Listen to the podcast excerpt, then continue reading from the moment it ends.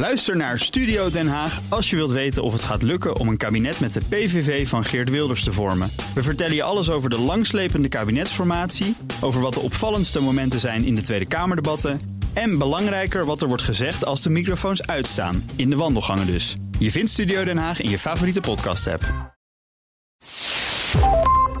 Welkom bij deel 2 van CryptoCast nummer 276. Dit is het podcastgedeelte. In het eerste deel hebben we het gehad over het laatste crypto-nieuws. Dat is de vorige aflevering eh, 276a. En nu gaan we het hebben over de toekomst van crypto in de Verenigde Staten. Met Bert Slachter en Peter Slachter, allebei 50% gast en 50% co-host. Yes. Jullie eh, zoeken het zelf maar een beetje uit. Dat eh, is jullie wel toevertrouwd. En voordat we van de, de kennisplatform Bitcoin Alpha trouwens, dat vergeet ik nog te zeggen. Voordat we beginnen, eerst het volgende. Zoals eh, wel vaak op dit moment zet ik de schijnwerper op een artikel op bitcoin.nl. En in dit geval is dat een interview met Mahir Alkaya. Hij is financieel specialist van de SP. En ook meer dan eens gast geweest in deze show. Uh, Alkaya is interessant omdat hij geen crypto heeft. En ook geen fan is, maar anders dan, sorry, anders dan de meeste mensen waar dat voor geldt, zich wel heel goed heeft geïnformeerd.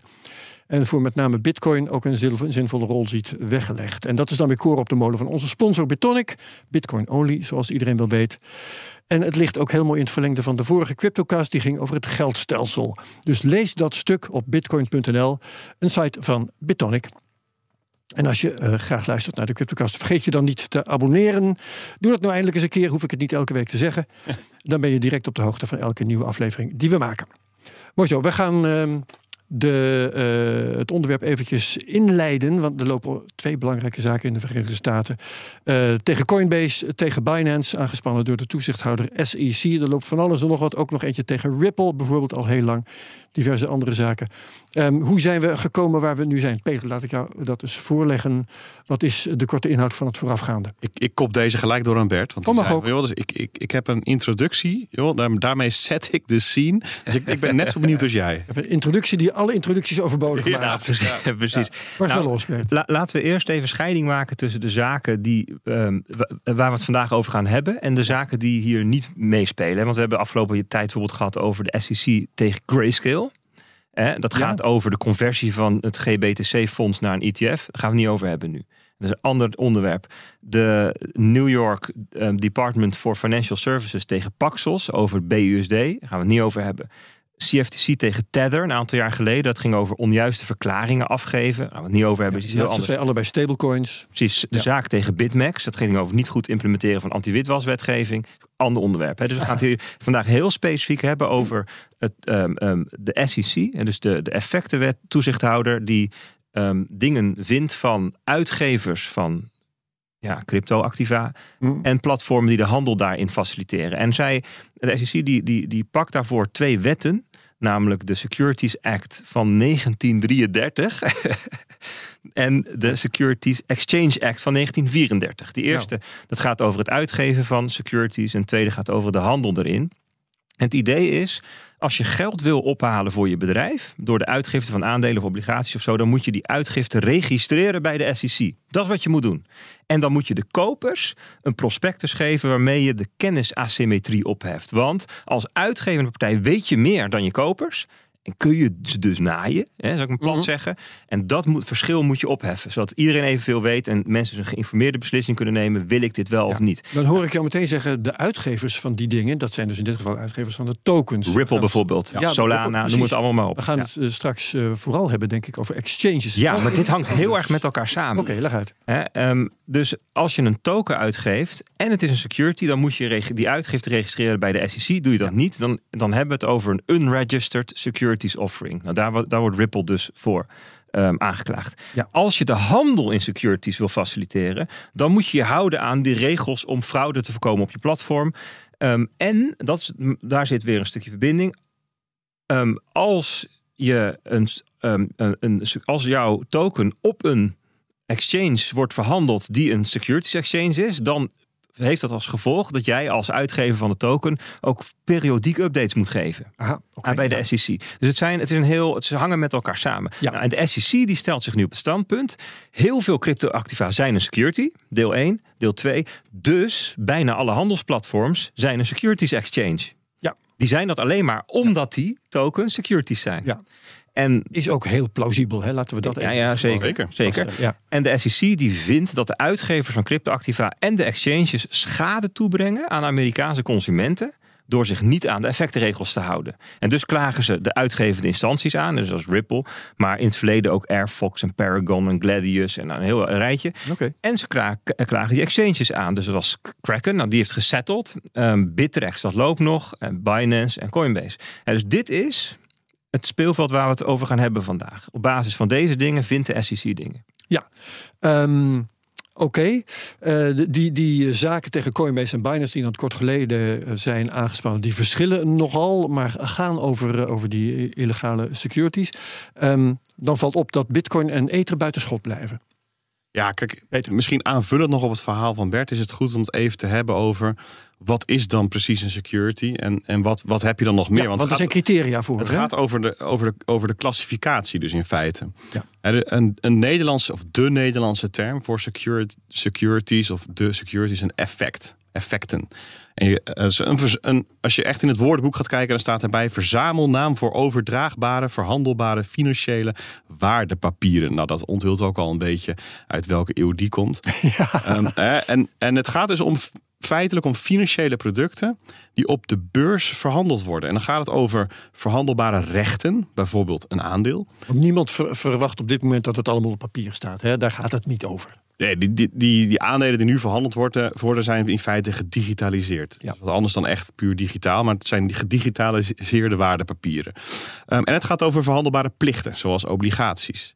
Mhm. Nou, daartegenover, je hebt een andere categorie, dat zijn de commodities. En die twee hoor je vaak ook in de VS, hè, securities en commodities. Ja, andere toezichthouders. En, en daar heb je niet echt een mooie, leuke naam voor in het Nederlands. Ja, bulkgoederen. goederen, ja, goederen wordt. Basisproducten, maar we gebruiken die niet zo vaak. Ruwe materialen, grondstoffen. Dus je moet denken aan graan, olie, gas, maar ook goud Ja. hè, en bitcoin. Ik denk dat, dat de meesten het daarover eens zijn. Ik het anders zeg, ik heb er nog nooit van gehoord dat, dat die ergens anders ingedeeld wordt.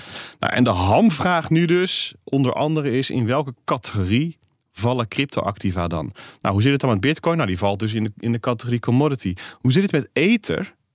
Hè, de de, de, de munt vaag. van het Ethereum-netwerk. Ja.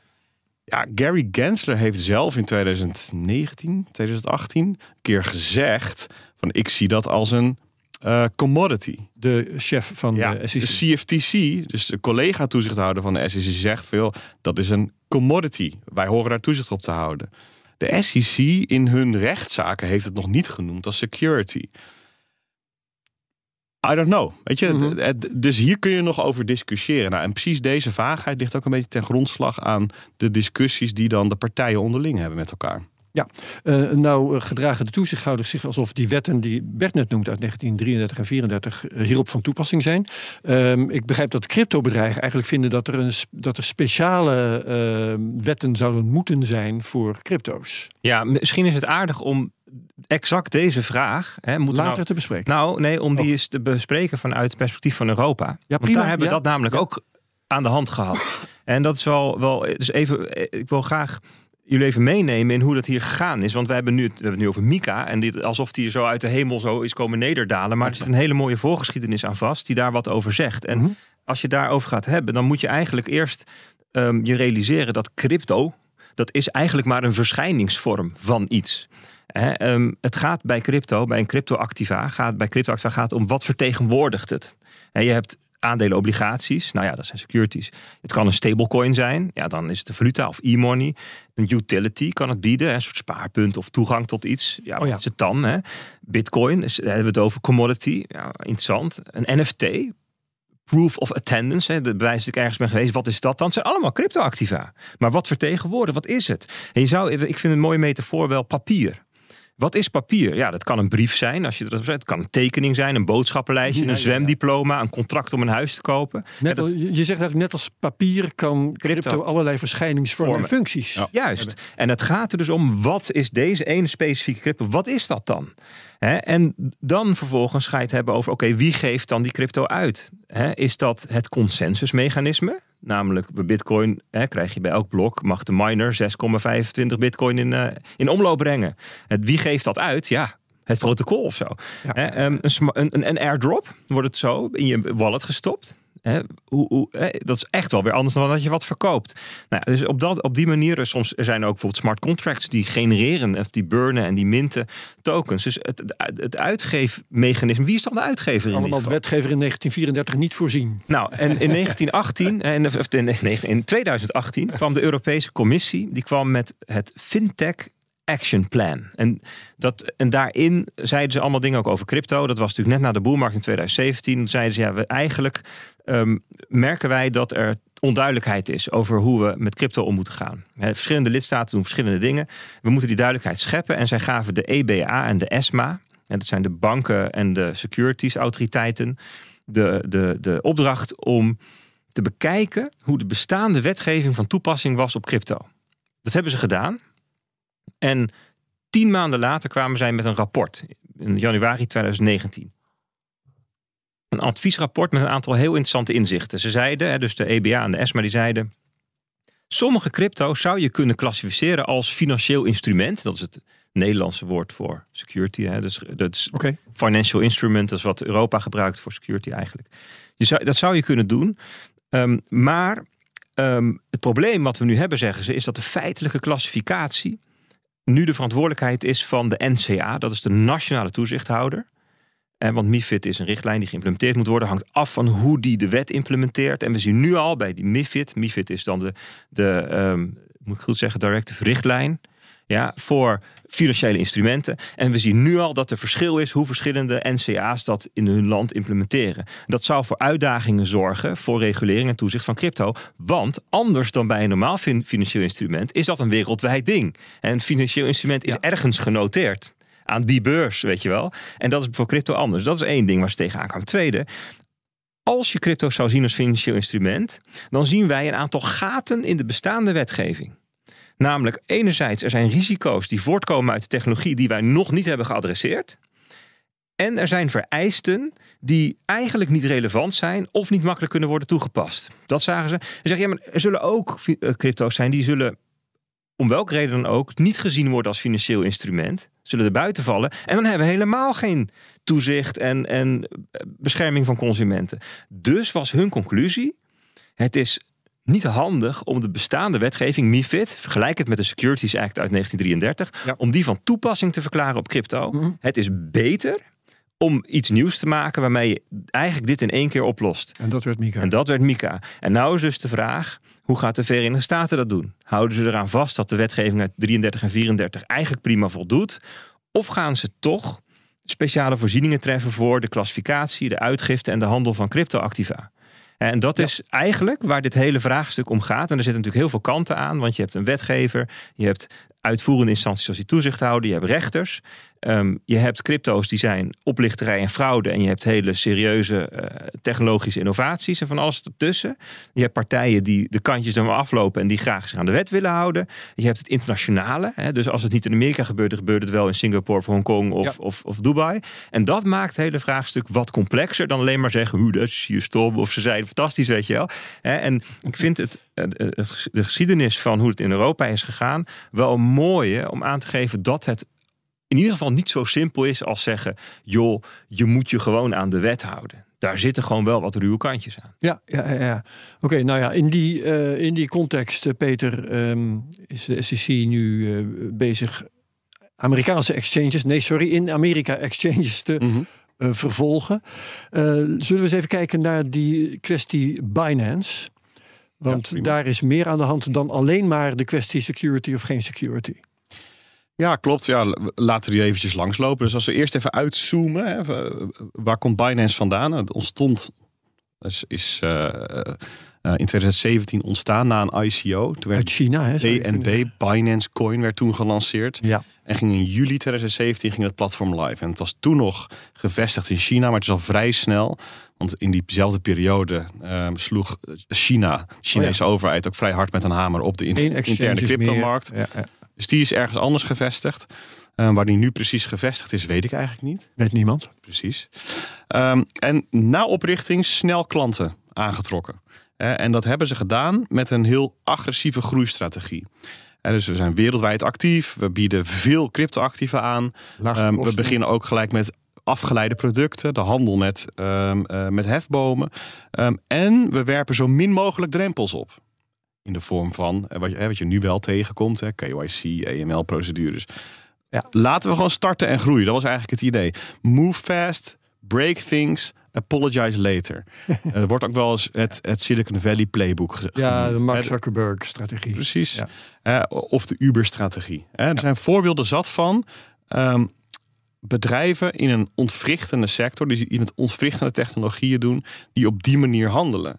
Ehm, ja, de, de politiek en de maatschappij en toezicht en wet en regelgeving loopt dan per definitie achter op het handelen van zo'n bedrijf. Ja. En er komt een moment, dan wordt die achterstand ingelopen. Dat- dan komt er aandacht voor, ehm, zowel op politiek front, ook op maatschappelijk front, consumenten, de, de, de gebruikers die er gebruik van maken. Er zijn misstanden, er is media-aandacht voor. Ehm, de achterstand wordt ingehaald en dan komt Binance natuurlijk als een van de eerste partijen groot in beeld.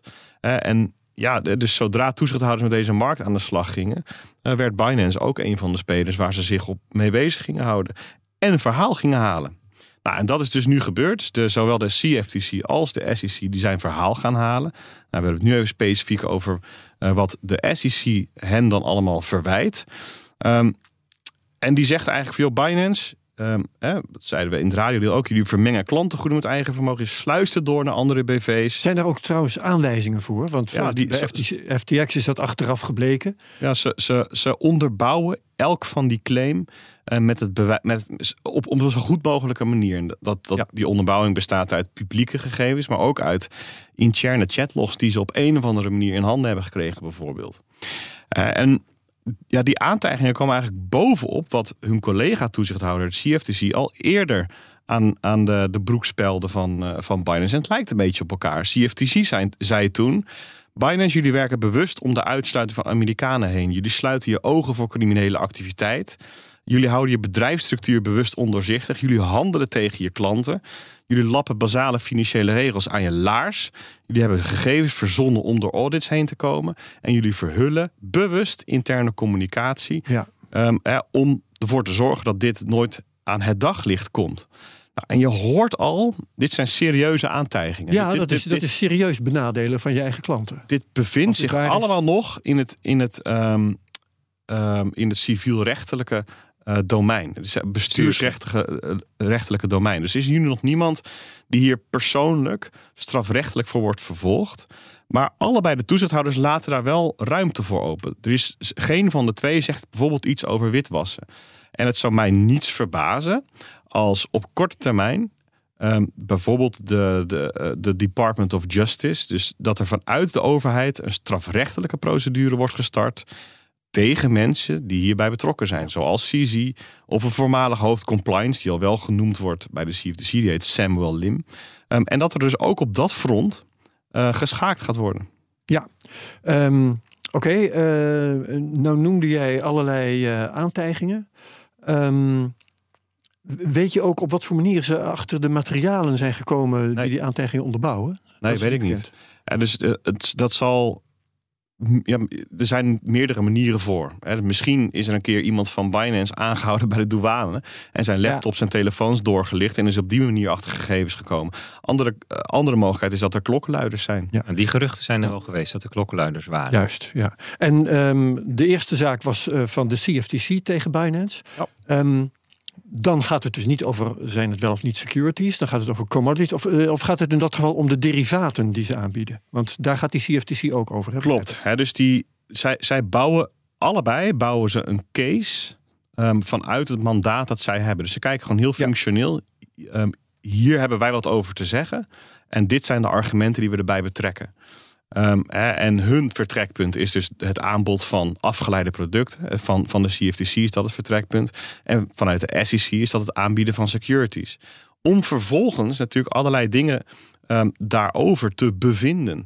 Hè, die leiden tot dit soort eh, vergelijkbare verwijten.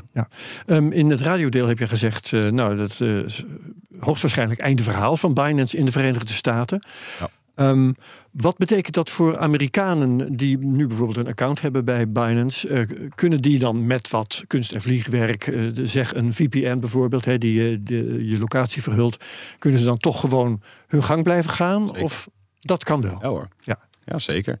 Ja, daar zullen we het misschien zo meteen ook nog wel even over hebben. Maar een van de bijeffecten natuurlijk van, van eh, alle acties die nu plaatsvinden... is dat een groot deel van de activiteit verhuist naar buiten de VS. En je kunt daar de vraagtekens bij zetten... of dat dan de consumentenbescherming ten goede komt of niet. Maar Ja, ook. Even, Ja. even, even specifiek over dit geval. Ik denk dat het rationeel is dat mensen...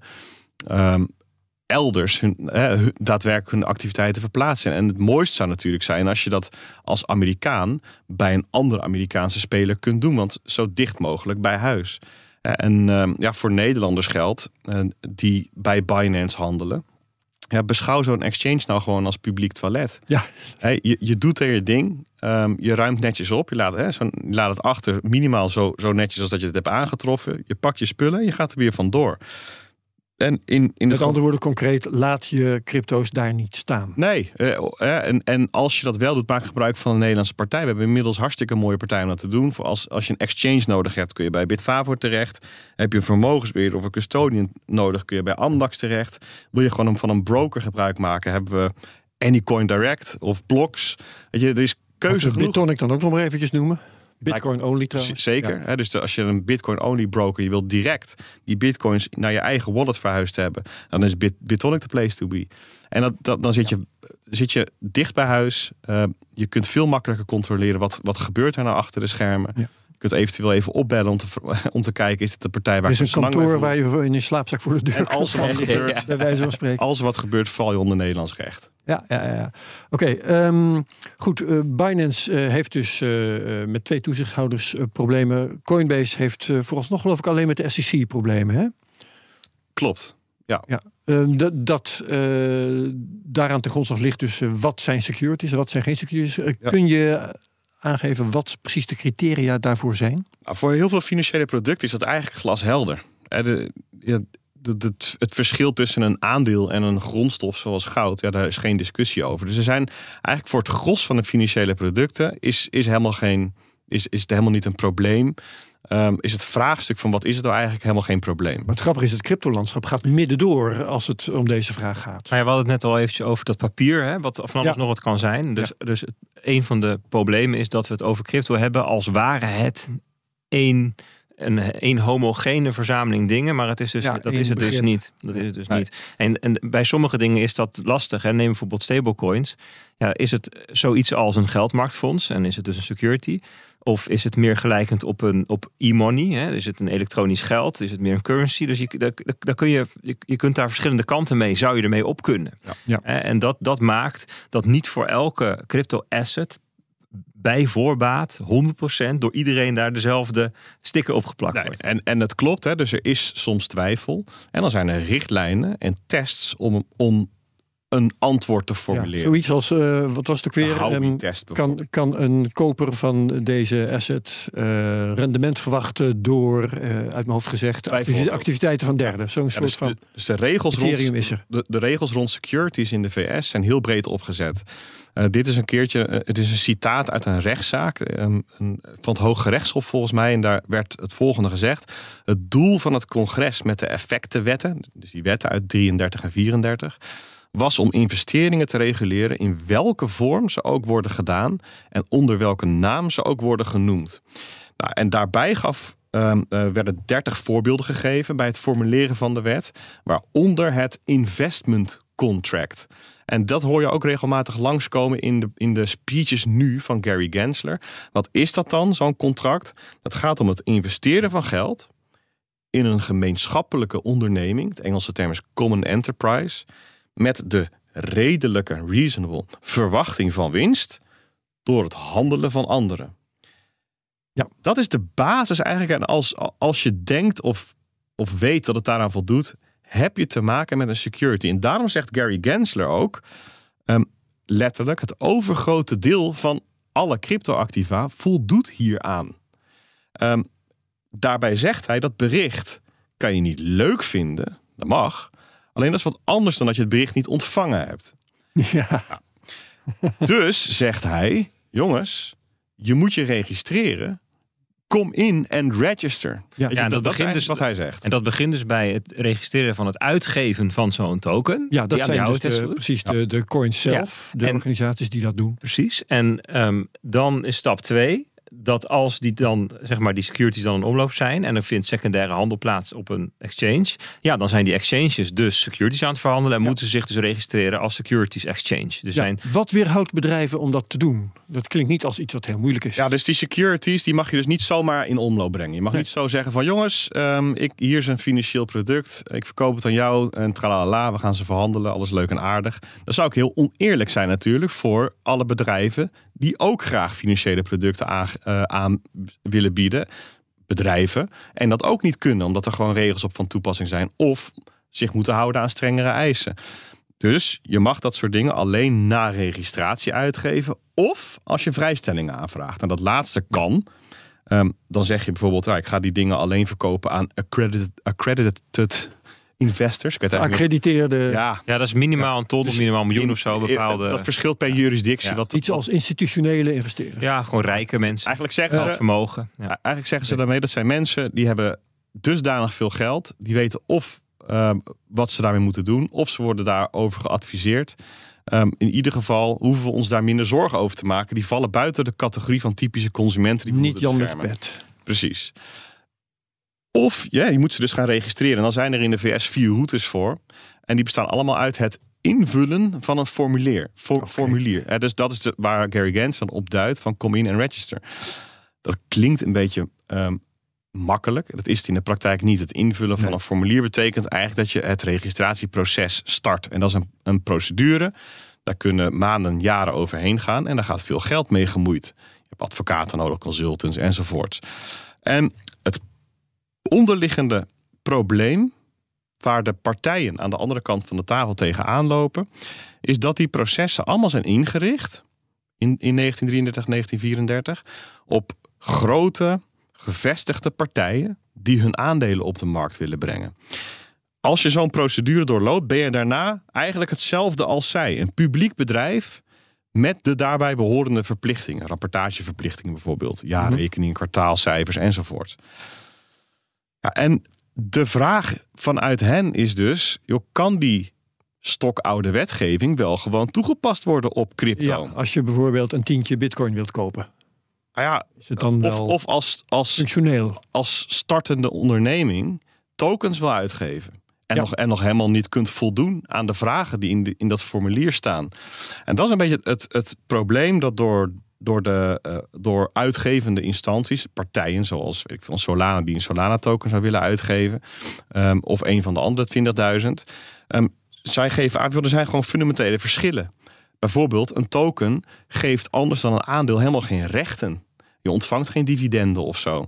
Ehm, hij kan, ja, soms kun je wel stemmen. Ik wil zeggen, je kunt niet stemmen, maar soms kun je wel ja, stemmen. alleen dat is niet bestuursrechtelijk vastgelegd of zo. Nee, dat is nee, gewoon, nee, een, dat is gewoon een, een eigenschap van de technologie. Het is niet dat dat een, een bestuursrechtelijk onderdeel is van Maar het dit, dit soort dingen token. leiden dus toe dat, dat geroepen wordt: jongens, eh, deze wetgeving is niet geschikt voor crypto. Ja, nou, Laten we iets specif- specifieks daarvoor maken. Een, een ander voorbeeld is, zo'n token kan bestaan los van de uitgever. Die uitgever kan verdwijnen en dan bestaat de token nog gewoon. Bij aandelen is dat niet zo.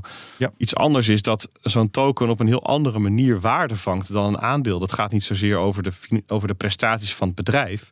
En dat gaat over de adoptie van dat token. En, en wat het in technische, technologische zin allemaal ehm, eh, toelaat voor de gebruiker die de token bezit. Naast speculatie natuurlijk. Ehm, en ook belangrijk, zo'n token bestaat op fundamenteel andere technologie dan aandelen. Ze zijn peer-to-peer verhandelbaar, 24/7 verhandelbaar. Je kunt ze in self-custody nemen, et cetera.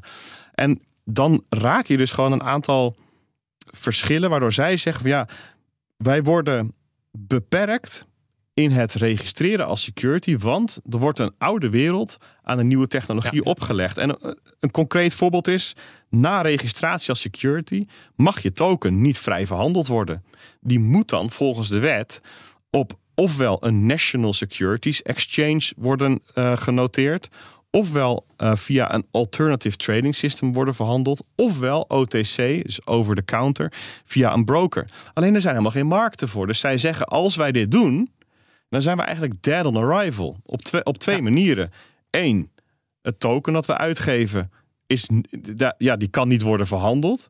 Ehm, en ook niet op de manier zoals crypto dat bedoeld heeft. Namelijk zonder tussenpartij. Het, het ontbreken van centrale tussenpartij, dat zit helemaal niet in de wet. En is de, dat soort dingen, uh, zijn die er dan de oorzaak van dat de exchanges zoals Binance en Coinbase nu in feite erop gokken dat uh, ze het kunnen volhouden dat de crypto's die zij verhandelen geen securities zijn. En daar ja, dus, dus wat, ik, wat ik net allemaal vertelde, dat zijn dus allemaal drempels voor uitgevers van tokens om zich te registreren. Hm.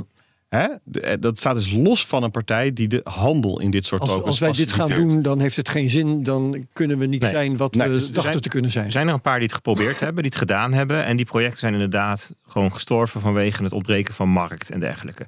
Dus wat veel... Eh, kijk, laten we wel wezen, hè, 2014 tot 2018, laten we even grofweg zeggen. Eigenlijk alle ICO's in die periode, dat waren um, illegale of unregistered security offerings. Ja. dat, dat, dat, dat, daar kun je lang kort over praten, maar daar is eigenlijk iedereen het in retrospect over eens. bedoeld. Ja, ja, eigenlijk wel. Dat zijn gewoon de aandelen, geld binnen. Nee, maar gewoon vergelijken met Uber die zegt, joh, ik ga gewoon rijden in deze stad en we zien wel wanneer op de vingers worden getikt. Weet je dat? Of, of de flitsbezorgers, huppakee, uh, beginnen gewoon. Um, daarna was duidelijk dat dat een probleem was. Dus wat je eigenlijk ziet vanaf 2020, die kant op, dat eigenlijk alle tokens die toen zijn uitgegeven, dat die hier voorzieningen voor hebben getroffen. Neem bijvoorbeeld Solana. Solana Foundation, gevestigd in Zwitserland, die hebben in hun private sale hebben ze um, alleen maar accredited investors uit de Verenigde Staten toegestaan. En dat zijn grote fondsen geweest enzovoort. Niet voor zeg maar de consumenten. Ik herinner me dat Telegram nog uh, gewoon uh, is uh, misgegaan die hebben het geprobeerd. Toen ze daar een coin uh, probeerde uit te geven. Die hebben het geprobeerd. heeft dat tegengehouden. Ja. En dus de Solana die heeft in de private sale gekozen om dus de route te nemen van nou, we, we, zorgen voor een uitzondering op die effectenwetgeving door alleen maar accredited investors toe te staan. En in de public sale hebben ze gezegd dit is niet toegankelijk voor US persons. Dus zij hebben een hele uh, uitgifte van hun tokens gedaan op een legale manier in Amerikaans perspectief. Dus Solana, het Sol token, dat mag wel een security zijn. Maar de uitgifte hebben zij waarschijnlijk niks mee misgedaan. dus dat is natuurlijk een hele interessante een, um, uh, constatering. Dat eigenlijk vanaf grofweg zo 2020, 2021, daar hebben eigenlijk al die uitgiften van tokens die maken gebruik van een SAFT, een, een lock-up en alleen maar grote investeerders en de public sales buiten de Verenigde Staten. Dus dat zijn misschien wel allemaal securities, maar de uitgiftestuk is daarmee gefixt geweest. Ja. dus dus dat, is wel, dat, is, dat is een interessante. En dan is dus um, de volgende stap, hè, dat is hoe, hoe men daar dus mee omging. Met, met die problemen die Peter net allemaal noemt. Door gewoon te zeggen: oké, dan doen we het gewoon niet in de VS. Of we zorgen voor een uitzending zodat we niet ja. het proces erheen hoeven. Maar ja, het zijn wel securities. Dus, dus de handel erin. Ja, hoe zit dat, dan? De, en daar gaan nu de aanklachten over. Ja. Dus de zaak Coinbase, dat gaat dus over het punt dat ja, er zijn tokens, die zijn securities. Hè, eh, en je faciliteert de handel daarin. Dat is wat de SEC dat, stelt. Dat moet dus nog worden uitgezocht. Dat stelt de SEC. Ja, precies. Dus, een, dus een Coinbase zegt in antwoord daarop van ja, luister eens. Wij hebben honderden of duizend tokens hebben we beoordeeld en niet genoteerd. En degene die wij wel genoteerd hebben, daarvan zijn wij van mening dat het geen securities zijn. En daar zijn er dan ook weer goede argumenten voor dus het, dat gaat dan over de tokens waarvan Bert zegt... Van, nou, die hebben hun uitgifte op een bepaalde manier geregeld...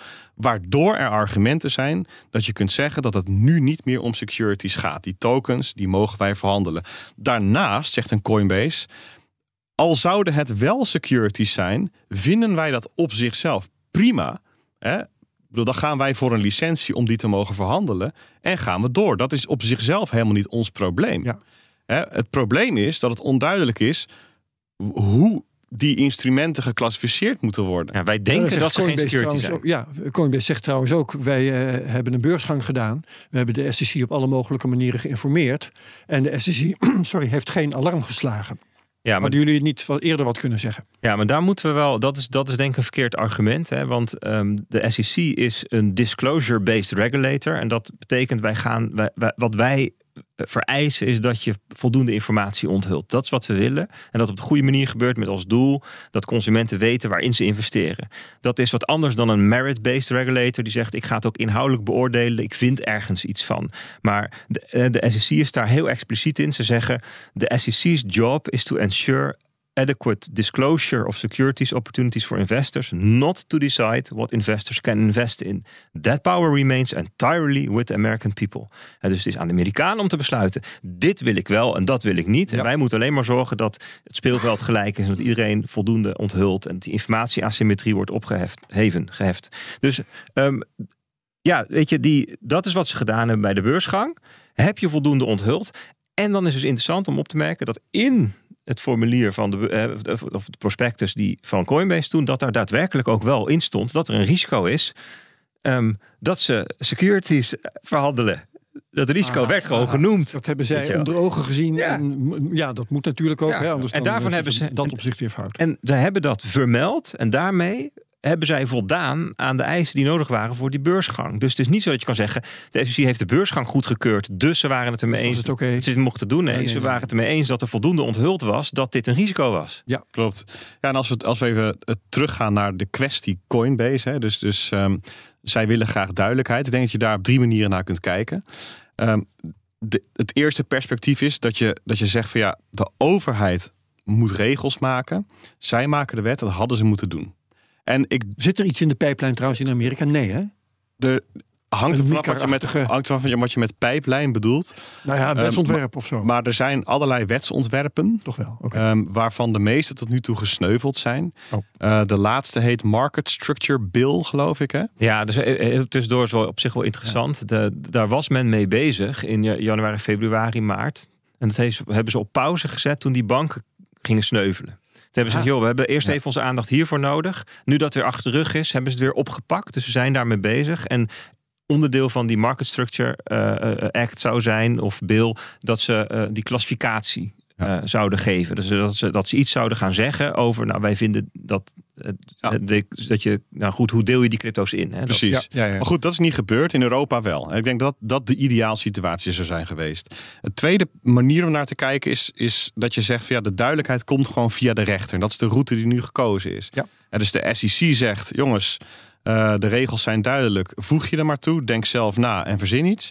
En Coinbase zegt van ja, eh, oké, dat hebben we gedaan, maar we komen er gewoon niet uit. En Ja, we- of, of we komen tot de conclusie dat alles wat wij gelist hebben geen securities zijn. Eh, eh, Eh, nou ja, we, we- gaan, we gaan het wel zien in de rechtszaal. Wij staan er positief in. Wij strijden ervoor. Een ander perspectief is, de SEC, dus de toezichthouder, ehm, had meer duidelijkheid mogen geven. Die had meer mee mogen denken met de marktpartijen. Bijvoorbeeld, eh, enerzijds om iets te zeggen over de klassificatie, anderzijds om misschien de registratieprocedures toegankelijker te maken voor die nieuwe technologie. En dat is niet iets per se iets veel gevraagds of iets wat nooit voorkomt. Hester Pierce, die naam ken je denk ik wel. Dat is een SEC-commissaris, wordt ook wel cryptoman Ja. genoemd. in Ja, het die is eh, een beetje heeft een afwijkende. Ja, ze, ze, ziet, ze, ze- ze is op een aantal dossiers is, is wat je noemt een dissident. Ja. En dat is ook de functie van commissaris, wordt houdt elkaar scherp. Ehm, en die refereert in een aantal speeches naar een soort gelijke situatie, maar dan 30 jaar geleden, waarin de SEC een heel proactieve houding heeft aangenomen. En, heeft, en daadwerkelijk de toenmalige procedures aanpaste voor iets wat nieuw was. En daarmee innovatie heeft gestimuleerd enzovoort. Ja, ik weet niet precies wat het, wat het dossier destijds was. ja, ja. dat waren dus ehm, nieuwe manieren om de handel te gaan doen. Hè. Firms were developing inno- innovative ways to bring together buyers and sellers. Nou, en die, iets digitaals. Ja, ja, dat waren die ATR's die Peter net ook liet langskomen. Die bestonden toen nog niet. En toen zagen ze dat gebeuren. Toen zeiden ze van, hé... hey, ATR's, wat zijn dat? ja, ik, ik, ik, ik- Oké, ik- lastig. nu- nu- Ik zit nu naar de Dus- AT, ATS. eh, Gaan een beetje uit eh, onze Ja, ja, context dan, denk ik. precies. Maar toen, toen kwamen ze met elkaar tot de conclusie van ja, als we gewoon zeggen ze moeten ze zich maar registreren als National Security Exchange, dan zouden we de innovation kapot letterlijk hebben gemaakt. Dat, dus dit, is ook een, dit komt uit een toespraak van Hester Pierce, die zij na, bij de SEC ooit een keer gegeven heeft, Ja. een paar maanden geleden. En zei ja, weet je, toen hebben we meteen gezegd, oké, dan moeten we daar een alternatief voor verzinnen. En nu zeggen we, ja, die wetten zijn prima. En zegt, dat is, dat is raar. We hebben het vaker gedaan. We hebben vaker bij innovaties gekeken van, oké, waar schuurt het, waar wringt het, waar zitten Ja. er gaten, gaps? hey, dat woord kennen we. Dat kwamen ze bij MIFID ook tegen toen ze in Europa daarna gingen kijken. Er zijn gaten. Laten we dat dan gaan fixen. Want als we het niet fixen, dan of we slopen de innovatie, of het gaat dan naar het buitenland en dan zijn de consumenten alsnog de pineut. Ehm, of ehm, eh, we, de- we gaan dingen volgens een, een manier doen die niet goed past, waardoor er alsnog risico's zijn die we missen. Dus eh, we moeten hier iets mee. Ja, behalve eh, dit soort dingen, eh, pluggen van gaten, ehm, zijn er natuurlijk ook allerlei andere dingen aan de hand. Bijvoorbeeld eh, landjepik tussen de SEC en de CFTC. Die willen eigenlijk allebei wel zoveel mogelijk dingen om toezicht op te houden, right? Ja, ik denk dat dat klopt. Hè? Dus, dus, dus ehm, ik denk dat toezichthouders er belang bij hebben eh, om hun mandaat in stand te houden. De een zal En- willen dat Ether een security is en de ander zal willen dat Ether een Ja, commodity ik, is. ik denk wel dat dit een over, overtrokken beeld is van wat er echt aan de hand is. Kijk, ze hebben allebei hebben ze gewoon hun huidige mandaat en zij redeneren daarvan uit. Eh, De SEC denkt na over securities en benadert de markt op die manier en zegt van jongens, wij denken vanuit ons perspectief er het volgende over. En de CFTC benadert vanuit derivaten en vanuit hun toezichtsmandaat en wij denken er het volgende over. En soms leidt dat inderdaad tot tegenstrijdige stellingen. Waarbij de CFTC zegt, Ether valt onder ons toezicht. En de SEC misschien later zegt, Ether valt onder ons Ja, toezicht. nog specifieker, hè? dus ether is een commodity of weet je wel. Ja. Dus daar Ja, wordt heel precies. specifiek dat genoemd. Dat kan. Hè? En, en ehm, daar, tuurlijk, daar zal deels bij spelen. Hè? Een soort politiek belang. Van joh, wij willen ehm, graag dat, dat toezicht, dat, dat dat onder ons valt. Maar ik denk dat het allerbelangrijkste is gewoon op, op uitvoerend niveau, dus op functioneel niveau, dat die toezichthouders gewoon vanuit hun eigen paradigma, hun eigen perspectief, eh, hier dingen van vinden. En dat is heel logisch. Tegelijkertijd ehm, gaat dit spelen in eh, allerlei verkiezingen. Elizabeth Warren heeft een, eh, de, de democratische senator, heeft een hele rant tegen crypto De gehouden. anti-crypto army. Ja, in het Mhm. kader van haar her- herverkiezing als senator. Eh, allerlei presidentskandidaten doen uitspraken over bitcoin, vooral eh, republikeinen, maar trouwens ook Robert Kennedy, dat is, is een van de democraten geloof ik, die eh, juist weer heel pro-bitcoin is, wat op dit moment onder democraten vrij ongebruikelijk is. Ja. Ehm, ja, hoe, liggen, hoe, hoe ligt het krachtenspel? Ja, we hadden, het dus, we hadden het dus net over de drie manieren waarop je naar kan kijken. En de primaire route die gekozen is, ehm, is die van de rechter. En dat gaat lang duren. Dus verwacht niet dat dit in een week is opgelost. Want Ja. iedere ehm, kwestie, iedere munt waarvan gestel- gesteld wordt dat het wel of niet een security is, Kan over gesteld worden. is een casus op zich. Ja. Hè? En, en ja, dat gaat dus per definitie veel tijd kosten. Ehm, Alleen Ripple al, hè, loopt al drie jaar geloof Precies. ik. Ja. Tegelijkertijd hè, ehm, zijn de andere perspectieven waar we het over hadden, dus de overheid die met regels had moeten komen en de SEC die duidelijkheid moet, had moeten geven, daar zijn ook bewegingen. Hè, want let wel, ehm, de politiek heeft natuurlijk gewoon zitten slapen in de VS. Ja. Er is nog steeds niets gezegd over die nieuwe markt die is opgekomen, zoals dat in Europa wel is gebeurd. Ehm, en omdat daar een gat ligt, is er dus ook de mogelijkheid om daarin te springen. En dat gebeurt door po- eh, populistische politici die nu een kans zien van... hé, hey, mooi, ik kan hier een punt van maken. En misschien een aantal ontevreden kiezers eh, de gelegenheid geven om op mij te gaan stemmen. Ja. Ehm, er is een eh, mogelijkheid voor uitvoerende instanties, dus die nu in de regering zitten, om hun stempel op bepaalde dossiers te drukken. Nou, dat gebeurt denk ik vanuit de regering Biden, met daaronder alle instanties die voor hen aan het werk zijn. Ehm, en het gebeurt ook ehm, in de context van de presidentsverkiezingen van 2024. Nou, en op wie moeten we dan letten? Nou, ik heb er even, eh, ik, ik heb zes namen heb ik even opgezocht, heb Oké. wat kernzinnetjes erachter gezet. Eh, Joe Biden, de huidige president, zegt eh, no fundamental value. Dat is een beetje zijn Ja. samenvattende visie op crypto. Donald Trump zegt I'm not a fan of Bitcoin. Ja, ik kan hem niet zo uitleggen. Ja. Nee, je hoort het zeggen, klopt. Precies. Elizabeth Warren, nou, die heeft de anti-crypto army. Dus voor haar is het heel duidelijk een, een, eh, een, een, een, een verkiezingsthema. Ja. Ron DeSantis, dat is republikein geloof ik. Ja, Florida, gouverneur op dit moment. Ja, die kandidaat ook. Ja. zegt, Ja. you have every right to do Bitcoin. Dus die stelt zich juist op als... ehm, eh, Een vrijheid die je hebt. ja, ja. en als, als voorstander van de nieuwe Heeft hij meteen een selling point tegenover Donald Trump. Ja, ik bedoel, ik struikel al wel eens over woorden, maar nu komt er een naam waar ik echt niks mee kan. Vivek Ramaswamy. Ja, dat is een moeilijke. Ja. Ja. Ik heb geen idee. Ja. Die zegt Bitcoin should not be regulated as a security. Zit er een beetje? Ja, hij sprak ook op de Bitcoin-conferentie in Miami. Klopt. Daar ook Oké, dus een pro. pro. ja, Ja. t- Een beetje, beetje op het spectrum neutraal pro, zeg maar. Dus niet, Ja. niet, niet heel eh, extreem erin. En dan hebben we Robert F. Kennedy Jr., ehm, Precies. neef van, geloof ik. Ehm, ja, en die noemt crypto, bitcoin, een major innovation engine. Die stelt zich wel echt op als ehm, erg pro. Ja, het woordje extreem even niet gebruiken, Ja. want dat heeft weer een andere lading in politieke contexten. Ja, en waarom gebeurt dit? Ja, eh, gewoon vanwege de omvang van crypto is dit toch wel een verkie- verkiezingsissue geworden. Er zijn 40 tot 50 miljoen crypto-bezitters in de VS. Ja, en als een klein deel daarvan naar jou toe beweegt, vanwege jouw ehm, eh, mening, vanwege jouw standpunt ten aanzien van crypto, dan kan dat doorslaggevend zijn in de verkiezingen. Want dat, ja, dat loopt vaak best wel. Ehm, eh, die race die is, die is vaak best wel. eh, eh, hoe zeg je dat? Dichtbij. Ja, Spannend. elkaar. inderdaad, spannend. Ja, een een relatief klein aantal stemmen geeft doorslag. Ja, ja, ja. Goed, interessant. Eh, waarbij je dus kunt opmerken, dat vind ik wel grappig om even eh, voor het overzicht. Eh, Trump is onder Republikeinen een uitzondering, want die is tegen.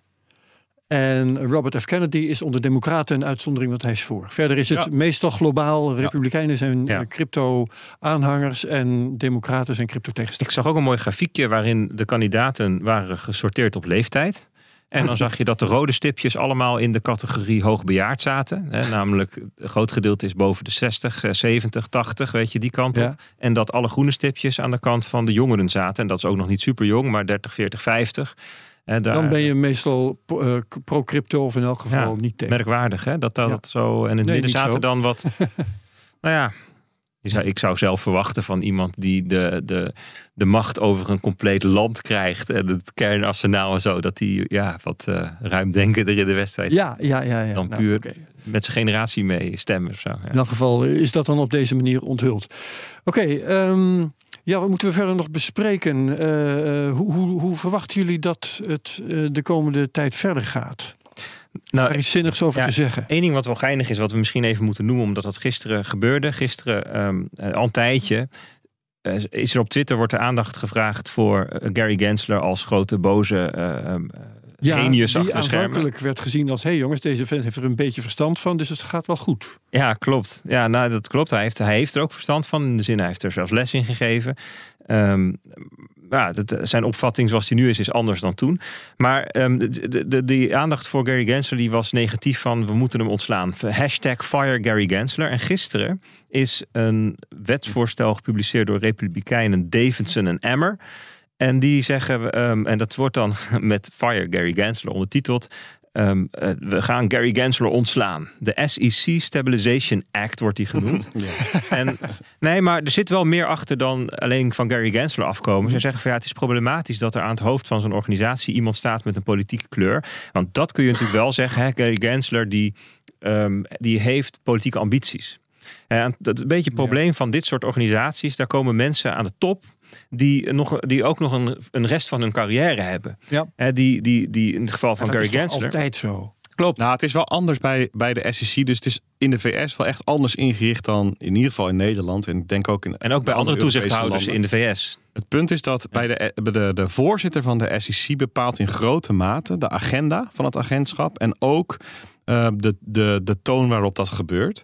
En het punt van de voorzitter is, die wordt iedere vier jaar opnieuw aangesteld door de dan zittende president. Dus er zijn ook heel duidelijke banden eh, met de partij die dan aan het roer staat. Ja, en in dit geval zijn dat de Democraten. Want Gary Gensler heeft de ambitie om ehm, Secretary of Treasury te worden, hè, minister van Oh ja. Ja. Dat zou hij eigenlijk eerder al worden. Toen is het niet gelukt omdat Trump per ongeluk ge- eh, verkozen werd in plaats van de Oeps. Democraten. En nu wil hij dat alsnog. Eh, dus dat wordt ook door allerlei mensen wel ehm, hè, met, met voorbeelden onderbouwd. Van nou weet je, er zit ook gewoon een stuk politieke eh, eh, iets in. Hè. En het voorstel van deze wet is om in plaats van zo'n voorzitter te hebben die het scepter zwaait, om te zeggen nee, de baas is een commissie van alle com- commissioners die gelijk verdeeld is tussen de twee partijen, 50-50. Hè, En dat je dus dat in evenwicht brengt. Met een onafhankelijke directeur die verantwoordelijk is voor de dagelijkse operatie. Dus, Dus dat is een interessante voorstel. eigenlijk van de politiek. Want je vroeg hoe gaat het nu verder? Nou, dit gaan we dus, hier gaan we misschien nog wel meer over horen in de komende tijd. Ehm, daar gaan we op letten, wat, Ja. daar, wat daaruit gaat komen. Ja, en vervolgens gaan we natuurlijk gewoon van, van onthulling naar onthulling bewegen. En dat zal in de zaak van Coinbase vrij recht toe recht aan zijn, vermoed ik. Ja, met veel sappige dingen die uit interne documenten komen. Ja, bij. Coinbase is minder, maar bij Binance zeker. Ja, dus Ja, Bi- ja. Binance, dat wordt gewoon, ja, dat is gewoon een vies spelletje. Hè? Dus daar gaan we, daar gaan we ook nog wel iets van de, van de Department of Justice gaan we nog wel zien waarschijnlijk. Hè? En bij Coinbase gaat het dan over welke activa zijn nou security, maar ook welke diensten. Hè? Want het Ja. gaat bijvoorbeeld ook over staking. Mag je dat wel of niet? Hè? Wanneer is staking een security en wanneer niet? Hè? Want stel dat ik als Uh, Crypto op rente zetten, even heel eenvoudig. Nou ja, dus het runnen van een validator namens iemand, hè, dat is waar je dus een beloning voor krijgt. Maar stel dat ik als infrastructuurpartij, zeg maar hostingpartij, zeg: joh, ik wil jouw validator wel hosten. Ja, dan ben je eigenlijk alleen maar computerkrachten aan het um, leveren. Ben je dan ook een secure? Is dat ook security? Nee, waarschijnlijk niet. Hè? Dus waarschijnlijk is het een security bij uh, Coinbase, omdat zij zeggen: nou, je geeft ons geld en wij gaan er geld mee voor je verdienen middels staking. Maar waar ligt dan die grens? Dus dat is ook iets wat mogelijk helder gaat worden. Nou, er gaat dus mogelijk wat helder worden over wat is nou security, wat niet. En op welke gronden. En, en ook, en dat is zo interessant, dat hebben we nu even overgeslagen. maar neem het voorbeeld van Solana even. Daar had je op een gegeven moment dus een, een uitgifte van een security. Waarvan Solana zegt, ja, ho, Um, wat de, de, de security is, dat is het contract. De soft. De soft, hè, de, ja, zo heet het dan het contract waarmee je investeert. En, maar de token zelf, is als dat eenmaal het netwerk eenmaal draait, geen security.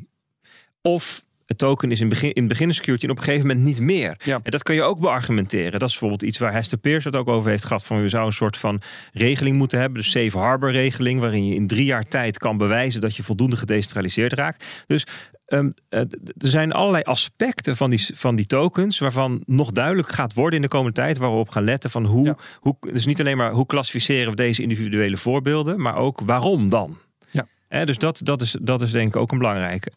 Um, wat, uh, om, om nog even op Coinbase en Binance terug te komen. Ik hoorde verluiden dat um, Binance eigenlijk slimmer gepositioneerd is. Want die hebben een Amerikaanse tak die dan misschien nu kapot gaat, maar de rest uh, is redelijk veilig. Terwijl Coinbase, een Amerikaans beursgenoteerd bedrijf, is als die hun zaak verliezen, dan hebben ze het echt een heel groot probleem. Ja, dus die zijn ook al wel aan het kijken, net als om zich ook te verhuizen. Ja, waar, waar gaan we Ja. dan heen? Waar Ja, gaan we dan eh, landen? In Londen bijvoorbeeld is genoemd. Ja. geloof ik. Als, als het klimaat in eh, de VS heel erg verslechtert, eh, biedt dat dan nieuwe kansen voor Europa? Ehm, ja, zeker. Hè, dus dus eh, daar, daar waar de deuren sluiten, gaan elders weer deuren open. Maar je moet het ook zo zien hè, dat, eh, kijk, ja, ik ben even de letterlijke quote van eh, Winston Churchill kwijt. Dat is iets in de trant van: ehm, ehm, je kunt erop vertrouwen dat de Amerikanen het goede doen nadat ze al het andere hebben geprobeerd.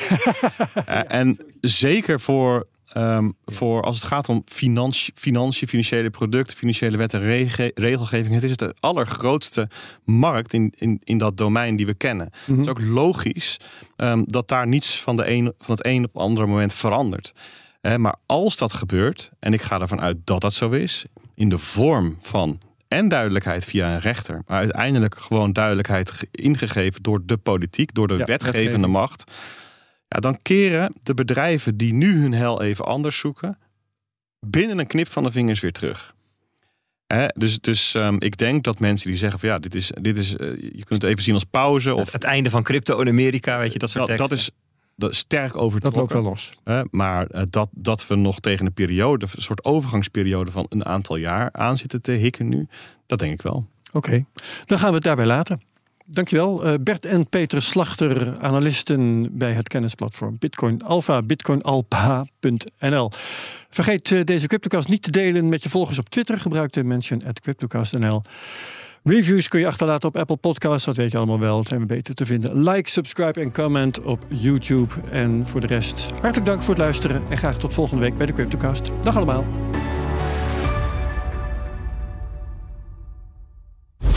Cryptocast wordt mede mogelijk gemaakt door BitTonic. Al tien jaar lang de Bitcoin-autoriteit van Nederland.